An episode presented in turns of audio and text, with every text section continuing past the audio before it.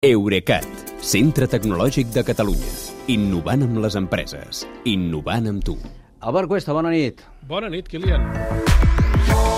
Aviam, ni un dia, ni un, sense una nova alcaldada d'Elon Musk al capdavant de Twitter. Aquest Avui... home és una mina, aquest home és una mina. Sí, sí, això és cert. Avui la víctima és el perfil aquell que rastrejava els vols de l'avió privat de Musk, del que ens vas parlar, si no recordo malament, a finals de gener, era, eh? Uh, sí, per qui no ens escoltés aleshores, recordem una mica.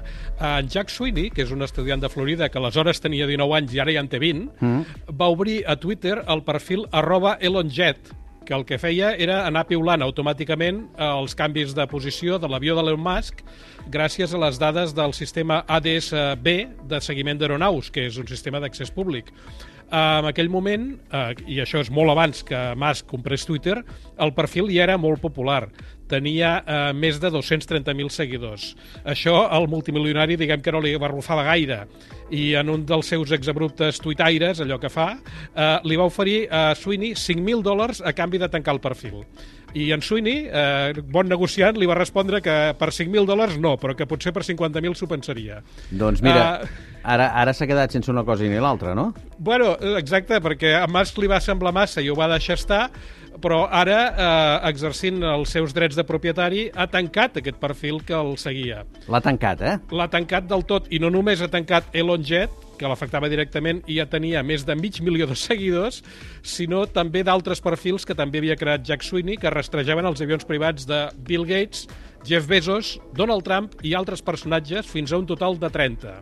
I a sobre també li ha tancat el perfil personal a l'estudiant, eh, suposo que per, per escarmentar-lo.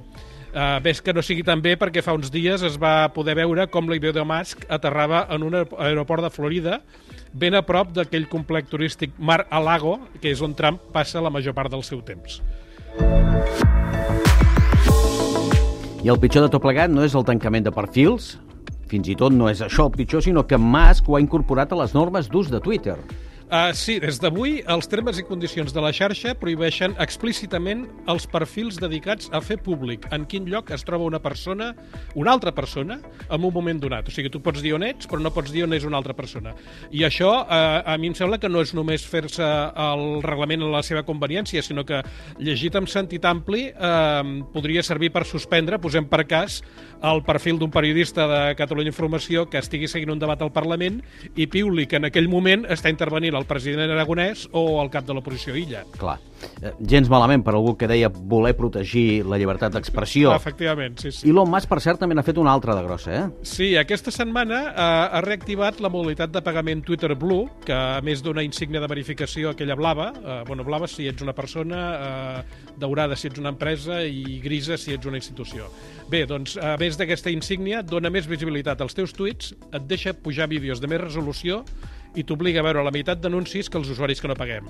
La novetat d'avui està en el preu, i és que per abonar-te a Twitter Blue has de pagar 8 dòlars cada mes, a no ser que faci servir un iPhone, perquè en aquest cas la quota mensual puja fins als 11 euros mensuals. I això fa perquè els usuaris d'iPhone tenen, eh, suposadament, més diners i vol escurar-los una mica més, o què?